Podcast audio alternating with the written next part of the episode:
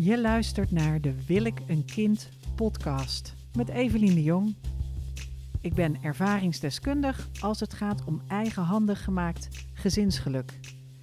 En als cultuurwetenschapper onderzoek ik graag het ideaalplaatje. Komen we hier samen toch nog uit? Komen we hier samen toch nog uit en hoe dan? Dat is ook een van de onderwerpen die bij het voeren van een gesprek over je kinderwens past. En dat is waarom je zo emotioneel kunt reageren en waarom je het zo spannend vindt en waarom je er bang voor bent. Omdat je denkt dat het alles of niets is. Dat het nu of nooit is. Dat, dat die de ware is of dat die de, de valse blijkt te zijn, de foute. En in die extreme denken, dat maakt dat je jezelf klem zet. Dit, uh, hey, hallo, welkom bij de Wil ik een kind podcast. Dit is de derde podcast uh, in een reeksje over kinderwensgesprekken. In die vorige podcasts heb ik verteld over uh, ten eerste dat je een reeks gesprekken voert dat nieuwsgierigheid je belangrijkste instrument is. En uh, dat je actief moet luisteren. Dat zijn eigenlijk de, de punten die ik in die vorige podcast, waarvan ik zou willen dat je die eruit gehaald hebt. Als alle communicatie ruis is, dan onthoud in ieder geval dat. Het is een proces, er zijn dus meerdere gesprekken nodig, want dat maakt dat er ruimte is voor groei.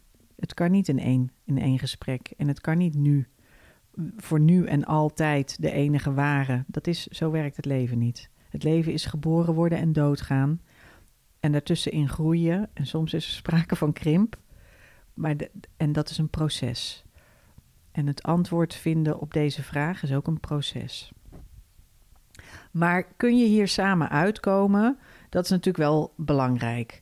En toevallig las ik vandaag in Volkskrant Magazine een verhaal over de liefde van iemand van 35 die zeer gecharmeerd is van iemand, maar die is veel jonger. Ze was 32 toen ze die man tegenkwam en hij was toen nog 26. En het eerste wat ze dacht was: oeh, dit heeft geen kans van slagen, want kinderwens. En daarin wilde ik zeggen, geef ik een dubbel advies aan mensen waar ik mee werk. Maar is het meer een genuanceerd advies. Ik adviseer je als je vrijgezel bent en gaat daten, om te daten met mensen die er hetzelfde in staan, die ook nog een kinderwens hebben. Het lijkt me als je denkt dat je zelf moeder wil worden en je bent halverwege de dertig en je valt op mannen, dat je dan gaat daten met iemand die er hetzelfde in staat. En dat je niet aanvinkt, ik ben ook beschikbaar voor casual seks want dat is eigenlijk helemaal niet waar je naar op zoek bent. Dat is, dat is hoe ik als ADHD'er boodschappen doe voor het avondeten. Ik kom altijd thuis met drie halve maaltijden. Ik loop de supermarkt in en dan denk ik, oh ja, uh, nou, ik wil veel groenten. Dat wil ik altijd, veel groenten. En uiteindelijk denk ik, zit ik en met pizza en met uh, uh, van die haricot vers boontjes en met een kaasnietsel. En dat ik denk, hè, wat was nou eigenlijk de bedoeling? En het komt omdat ik onderweg gereageerd heb op alles wat ik tegen ben gekomen. Waar ging ik nou naartoe? Het ging over afleiding. Omdat ik er van alles bij sleurde. Nou, wat grappig. Ik ben in mijn eigen podcast mijn eigen verhaal kwijt. Maar ik weet wel waar het over wil gaan. Gaan we hier samen nog uitkomen? Daar ging het over. Wat het allerbelangrijkste is, het allerbelangrijkste is één, dat je jezelf begrijpt. En als je dat doet, als je jezelf begrepen hebt, en dat is echt het meest wezenlijke, het meest wezenlijke is dat je jezelf begrijpt. Als dat gebeurd is, dan ga je proberen om de ander te begrijpen. En pas daarna verlang je van de ander dat hij jou begrijpt. Dit ga ik gewoon nog een keer zeggen. Dus het begon net wazig, maar dit is belangrijk. Ik ga het gewoon nog een keer herhalen. Allereerst moet je jezelf begrijpen. En dat is lastig, want je bent niet zwart-wit. Je bent niet goed of fout. Je bent een grijze. Je bent genuanceerd. 50 tinten grijs. Komt die spannende vrouw weer. Je bent een warboel. Je bent een wazige kluwe van emoties. Je bent je biologische klok. Je bent iemand die nog carrière wil maken. Je bent een autonome dame. Je bent iemand die houdt van haar vrijheid. Je bent heel veel dingen. Het allereerste wat je moet doen is jezelf begrijpen. Dat is het werk wat ik doe met mensen in het kinderwenskompas, is die ene stap. Daar ben ik twaalf weken mee bezig, 90 dagen, drie maanden, twee uur per week. Eerst jezelf begrijpen. Maar goed, het kan zijn dat jij jezelf nu al helemaal goed begrijpt. Dat is prima. Als je jezelf goed begrijpt, dan is de volgende stap, de tweede stap in die kinderwensgesprekken, als je jezelf goed begrijpt, dan ga je proberen de ander te begrijpen. En nu zijn er allemaal feministen die met molotov cocktails hier naar mijn huis toe fietsen. Gelukkig woon ik drie hoog. En die, die brandende flessen naar binnen werpen. En die zeggen: de, de ander begrijpen, de ander begrijpen. Ik wil ook een keer begrepen worden. Ja, dat klopt, dat is stap drie. dus eerst jezelf begrijpen. Dan ga je de ander proberen te begrijpen. En daarna, stap drie, is dat je van de ander vraagt om jou te begrijpen. Dus ik heb het in de vorige podcast gehad over actief luisteren en nieuwsgierig zijn en de woorden herhalen die de ander zegt. En misschien dat je toen al een beetje op je feministische pik getrapt was, omdat je dacht: hé, hey, fuck dat. Ik wil ook voor mezelf opkomen en ik wil ook begrepen worden. Motherfucking non de Nou, dat snap ik. Maar de, de crux is dat je eerst jezelf moet begrijpen en dan de ander gaat proberen te begrijpen. En dat is het actief luisteren deel. Dat is het actief luisteren deel. En als je dat gedaan hebt, dan kan de ander gaan proberen om jou te begrijpen. En dit is, uh, ik heb dit uit twee boeken, twee hele goede boeken. Je hebt Stephen Covey. Hij heeft natuurlijk de bestseller geschreven, The Seven Habits of Highly Effective People. Absoluut aanrader, The Seven Habits of Highly Effective People. Dat is een klassieker in de zelfhelp echt een mega, uh, uh, nou ja, kan je niet omheen. Er zijn ook heel veel uitrekseltjes van. Maar dus uh, die Stephen Covey heeft ook nog een boek geschreven dat heet The Third Alternative. En dat is The Third Alternative is dat je kunt komen tot een oplossing waarvan je nu nog helemaal geen idee hebt. En dat is uiteindelijk wat mij is overkomen. Dus ik heb gesprekken gevoerd met mijn huidige partner over de toekomst en over onze gedachten, eh, de gedachten en gevoelens over het krijgen van kinderen. Waarbij ook gesmeten werd met brommerhelmen, waarbij ook geschreeuwd werd en verbaal geweld gebruikt werd, waarbij ook gejankt werd en gesnotterd met volle zakdoeken. Maar uiteindelijk hebben we goede gesprekken gevoerd. Intense gesprekken gevoerd en hebben elkaar begrepen. Hij begreep dat ik niet kon wachten met mijn kinderwens. En ik begreep dat onze relatie nog te pril was om aan die kinderwens te beginnen. En toen zijn we aan knoppen gaan draaien. Toen zijn we gaan experimenteren om te kijken waar brengt ons dit dan. En natuurlijk dacht ik ook, motherfucker, ik was ook een feminist. Ik had ook een molotov cocktail. Ik dacht ook, zal ik jouw huis eens in de fik steken? Mafkees ik ben een geweldige vrouw en jij wil niet eens een kind met mij. Wat een sukkel ben jij. Nou, je kan je er iets bij voorstellen. Ik ben vuur. Van de, van de vier elementen die je kunt zijn, water, lucht, aarde, vuur. heb ik een workshop gedaan bij Helmert van Woudenberg. Hij zei, weet je wat je bent? Ik zei, nou, ik denk lucht of water. Hij zei, nee, je bent vuur. Dus uh, ik weet dat ik zo ben. Maar zelfs ik kan uh, actief luisteren en dat heb ik gedaan. En uiteindelijk kwamen we dus op deze hele rare oplossing. De third alternative was dat ik mezelf goed begreep en dat ik begreep dat onze relatie goed is en dat wij goed zijn in dat uitzoeken van wat wil ik nou? En ik begreep ook dat mijn tijdspad zo krap was dat ik ook geen tijd meer had om op zoek te gaan naar iets beters. Dat is een van de grote mankementen van onze tijd. Ik, ik zeg dit in 2022. Een van de grote mankementen is dat iedereen onophoudelijk de hele tijd zegt dat er ergens anders iets beters te krijgen is. Ah, het is zo vermoeiend. Het is zo fucking vermoeiend om te denken dat ergens anders iets beters op je te wachten ligt. En dat is in de datingmarkt. De, wat, een, wat een gezwel is dat. Wat een ziekte is dat. Dat overal voortwoekerende. Oh ja, maar misschien is ergens anders wel iets beters. Goed, ik begreep dus mezelf. Ik begreep onder welke druk ik stond. Mijn lief begreep dat ook. En mijn lief, wij zagen allebei in dat op dat moment voortklungelen met onze relatie eigenlijk heel oké was. Dat we het fijn hadden bij elkaar. Dat we um, goede invloed hadden op elkaar. Dat er dingen heel mooi waren aan die relatie. Ook al waren onze gedachten en gevoelens over het krijgen van kinderen, liepen die nog helemaal uiteen. Maar wij begrepen elkaar wel. En dat is de, de crux van het derde alternatief. Probeer eerst te begrijpen en dan pas begrepen te worden. Nou, dit had je ook niet graag willen horen toen je begon in deze podcast over kinderwensgesprekken.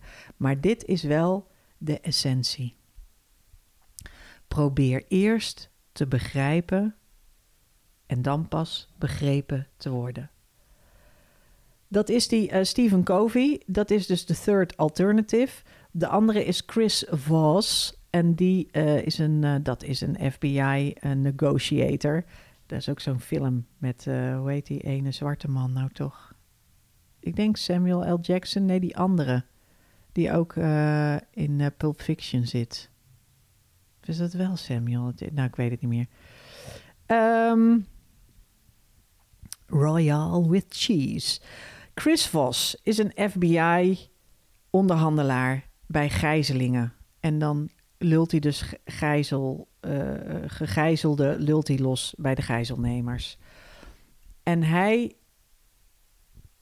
en, en Stephen Covey en Chris Vos zeggen allebei: probeer eerst te begrijpen en dan pas begrepen te worden. En dat begrijpen gaat niet alleen om logische, rationele argumenten. Nee, op emotioneel niveau, op gevoelsniveau. Het is niet alleen je gedachten over kinderen krijgen, maar ook je gevoel over kinderen krijgen. Dus als je zegt, als, als je vriend zegt, ja, er is overbevolking, er zijn nog veel te veel kinderen op de wereld, dan zeg je, hé, hey, ik hoor je zeggen dat er te veel mensen zijn op deze planeet. Bedoel je daarmee dat, het, dat, dat de aarde onder druk staat voor het klimaat? Of bedoel je daarmee um, dat je bang bent voor de toekomst? Bedoel je daarmee dat het beter zou zijn als er minder kinderen geboren zouden worden? Dus, en dan kan je best in de richting van emotionele dingen gaan. Maar probeer eerst te begrijpen en dan pas begrepen te worden. Dus probeer eerst te begrijpen wat hij bedoelt met die opmerking. Ik heb zelf, als ik een lijstje maak van argumenten, dan vind ik dat die wereldargumenten van ondergeschikt belang zijn aan eigen persoonlijke motivatie. Ik denk dat de intrinsieke motivatie van iemand zijn eigen persoonlijke redenen zwaarwegender zijn in je privéleven dan overal er zouden minder kinderen geboren moeten worden. Um, nou, wat je dus doet is uitvoerig onderzoeken en heel zorgvuldig en heel nauwkeurig loskrijgen, lospeuteren. Dat doet die FBI-onderhandelaar ook. Oh, dat boek heet Negotiating as if your life depended on it. Never Split the Difference. Dat is de titel. Ik zeg de titel verkeerd om. de titel is Never Split the Difference. Deel nooit het verschil. En ehm, hij, je moet lospeuteren wat de emotionele beweegredenen zijn van de ander. En op zoek gaan naar waar jullie emoties elkaar raken. Jullie zijn allebei bang. Die fucking kinderwensgesprekken, ze zijn fucking scary. Jullie zijn allebei bang. En dat kan je ook benoemen. Dus als, als dat vrolijke, ik kan natuurlijk wel steeds zeggen, hè, aardbeien, champagne, lingerie. Dat is mijn levenslustige, uh, mijn levensgenieter uh, uh, visie op, op de situatie. Maar misschien past dat helemaal niet bij je. Misschien ben je wel juist heel wel overwogen en, en meer een rationalist. Iemand die het heel serieus neemt en heel serieus inziet. En dan kan je, kan je meer daarover die angsten beginnen. Dan dus zoek naar gezamenlijke emotionele en gedeelde waarden. En kijk dan, als je kijkt naar, um, dus in die kinderwens Kickstarter. In die kinderwens Kickstarter leer ik je doelen stellen voor een half jaar. En als je zo'n planning maakt. Dat is, je maakt een plan voor een half jaar en per maand heb je een doel. En als je dat gaat doen, dan kijk je ook naar welke gevoelens zitten daaronder. Emoties zijn van voorbijgaande aard. Dus als je een film kijkt, het is een tearjerker en je bent geëmotioneerd, nou dan ben je diep, diep, diep verdrietig. Grootste tearjerker aller tijden is The Champ. Ik weet niet of dat je die gezien hebt. Maar dan staat een kleine jongetje en die zegt dan... Wake up, champ, champ, wake up. Nou ja, drie keer raden. De champ staat natuurlijk niet meer op. Maar goed, uh, spoiler alert. Een tearjerker, dan ben je zeer geëmotioneerd, zeer verdrietig. Daaronder kan een diep gevoel, een diepe pijn zitten... of een diep gemis of een diep verdriet. Maar de emotie is... Die komt en gaat je kunt, je kunt binnen een kwartier vijf verschillende emoties hebben. En in die kinderwens Kickstarter uh, gebruik ik ook instrumenten om zorgvuldig te benoemen, om zorgvuldig de juiste woorden te kiezen voor je emotie. En als je actief aan het luisteren bent naar je partner, dan is dat een van de dingen die je te doen staat.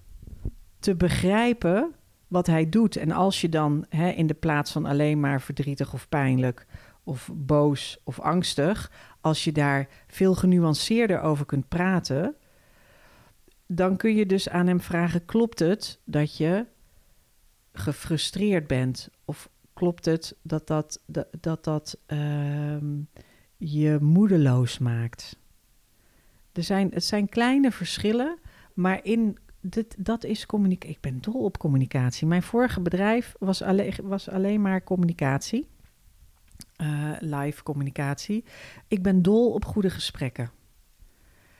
En goede gesprekken hierover, dan ga je dus op zoek. Een, eh, eh, een, een goed gesprek over de toekomst en je gevoelens en gedachten over het krijgen van kinderen is dat, dat je ruimte creëert voor dat derde alternatief.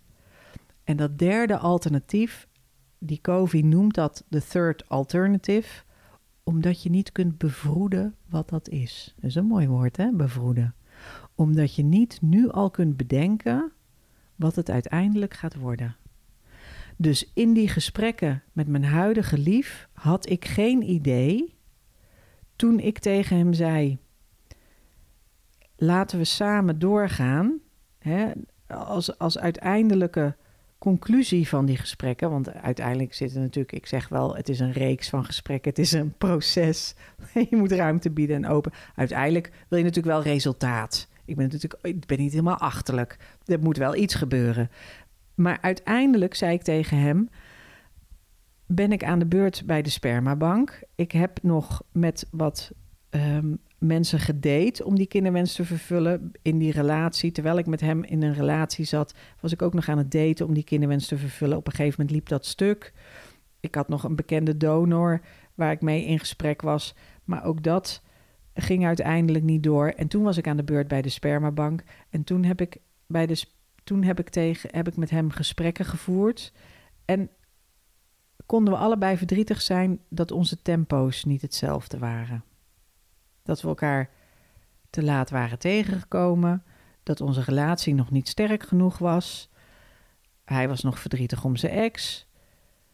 Ik wist niet of dat ik hem leuk genoeg vond, of dat hij goed genoeg was. En hij is zeker goed genoeg. Hij is meer dan goed genoeg. Ik ben zo intens gelukkig met hem. Maar ehm, hij luistert deze podcast niet. Hij wil wat beters te doen. I love you, baby.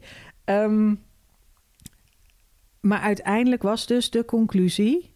En er was één vriendin. Dit is ook interessant, hè? Want je voert zo'n kinderwensgesprek met je partner, maar je voert ook gesprekken met andere mensen. En dat is heel verneukeratief. Want als je gesprekken voert met andere vrouwen en je zegt ja, hij wil niet, dan zeggen ze wat een slappe zak. De lulde behanger, zet hem bij het vuil. Wegknikkeren. Hij is niet committed. Hij is niet, nou ja, goed. Maar je wil helemaal niet voor die gesprekken met hem, die gesprekken met hem. En als je gesprekken over je gesprekken met je partner met andere mensen voert, wees jezelf er dan van bewust dat zij zeggen wat jij wil horen. En misschien wil je gewoon troost omdat je in een ruksituatie zit en dan zeg je: Lieve vriendin, ik zit in een ruksituatie. We kunnen het even niet oplossen. We kunnen wel heel erg dronken worden, heel hard janken en uh, keiharde uh, muziek draaien. Laten we dat doen. Geef me geen advies. Misschien wordt het uiteindelijk nog wel de vader van mijn kinderen, maar nu is het even volkomen ruk. Laten we samen even in de misère zijn. Dat is hoe je vriendinnen hierbij betrekt. Maar uh, met, met, tegen hem heb ik toen gezegd: ik, ik, ik kan niet wachten. Ik kan niet, ik kan niet nog maanden ovulaties laten verlopen. Ik ben, ik ben er 38, eh, 39. En hij begreep dat. Ik had mezelf begrepen. Ik had begrepen dat onze relatie te pril was. En ik had ook goed begrepen dat hij dat nog niet voor mij kon doen. Dat we nog te onzeker waren van elkaar. We merkten wel in die gesprekken dat we allebei wilden investeren in de relatie. En toen kwamen we met de third alternative. Dat is waar we al experimenterend op uitkwamen. Ik had dit nooit van tevoren zo kunnen plannen. En dat betekent dat ik dus mijn verwachting dat er een prins op een wit paard hier aan zou komen galopperen en mij zou redden uit deze woongroep en, en mijn uh, uh, kwakkelige, uh, nou ja, semi-mislukte bestaan van geen cabaretière geworden, geen schrijver geworden, niet echt carrière gemaakt, al die, hè, maar wel een hoop spanning en avontuur. Maar wat, wat heb je eraan at the end of the day? Nou, daar, is hij niet, daar heeft hij me niet van gered. Ik heb, ik heb zelf mezelf gered. Ik heb zelf mezelf op tijd ingeschreven. Ik ben zelf naar de spermabank gegaan. En ik heb zelf met hem die gesprekken gevoerd, reeksen van gesprekken over de toekomst en het krijgen van kinderen. En daar kwam al experimenterend, nieuwsgierig naar elkaar, elkaar proberen te begrijpen en daarna begrepen willen worden. En, en daar kwam toen uit, nou ja, uh, ga naar die spermabank als je over negen maanden zwanger bent. Misschien wil ik het dan wel adopteren. En dan, dan zien we dat dan wel. En toen bleek gelukkig dat mijn eileiders uh, dicht zat en uh, dat ik helemaal niet zwanger kan worden zonder IVF. En, en duurde het nog een jaar voordat we erachter kwamen dat IVF de oplossing was. En uh, dat hij in dat jaar dacht: ach, laten we het toch samen doen, maar laten we niet samen gaan wonen. En dat is ons derde alternatief. Nou, mooi hè? Mooi hè? Dit is de laatste. Dit is de laatste over gesprekken voeren over je kinderwens. En als je nou denkt, ik zou wel zorgvuldig over mijn emoties willen praten en ik zou voor mezelf wel eens doelen willen stellen en concrete acties willen stellen en niet zo afhankelijk zijn van mijn partner, dan koop die kinderwens Kickstarter. Die staat toch voor een klein bedragje op de site. De kinderwens Kickstarter, dat is absoluut iets voor jou. Dus um, doe die kinderwens Kickstarter. En het mooie is, in de kinderwens Kickstarter zit een half uur één op één gesprek met mij. Waarmee ik je kan helpen. Dus als je dan in gesprekken gekke dingen tegenkomt, dan stel je me daar live je vragen. En dan, uh, dan denk ik met je mee. Dus alle succes, hele fijne zomer. Oh ja, deze podcast blijft natuurlijk ook, ook een goede winter en een heftige herfst. En een lekkere lente toegewenst. Zo heb ik alle seizoenen gehad. Doeg! Dankjewel voor het luisteren naar de Wil ik een kind podcast. Vond je dit goed en waardevol? Geef een duimpje omhoog of laat een review achter. Dan kunnen andere mensen deze podcast ook vinden. Wil je mij persoonlijk een vraag stellen of iets laten weten? Je vindt Wil ik een kind op Instagram. Daar heet ik Wil ik een kind. Of je kunt me een mailtje sturen. info@wilikenkind.nl Fijne dag!